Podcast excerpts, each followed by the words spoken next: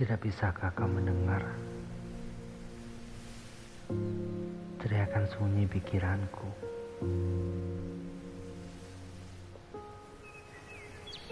Mereka teriak sangat keras hingga mereka bergema di mimpiku. Di balik wajah ini, wajah yang membawa senyum, terletak jalan gelap yang jauh bermil-mil.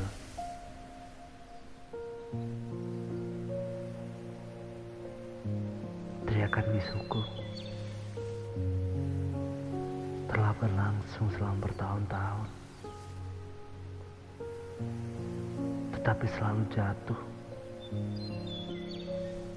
pada banyak telinga yang tuli.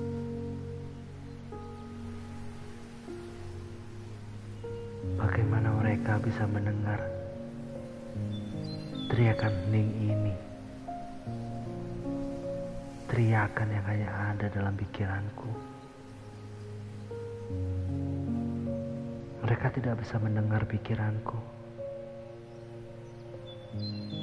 Jika aku terus mengatakan kepada mereka bahwa aku baik-baik saja. Apa yang bisa aku katakan kepada mereka? Cerita hening ini tidaklah membawa kata-kata,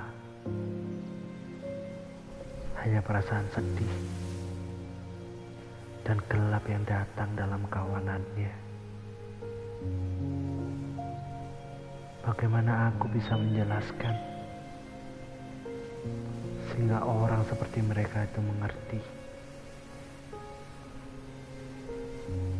Ini seperti berjalan-jalan dalam kabut yang hitam yang menyesakkan.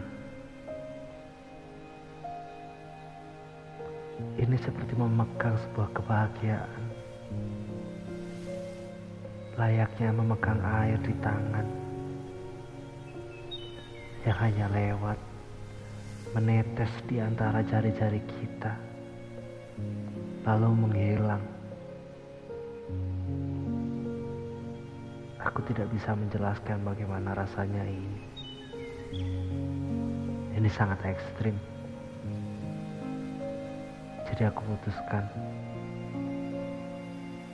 Aku tutup mulut untuk menutupi teriakan bisuku.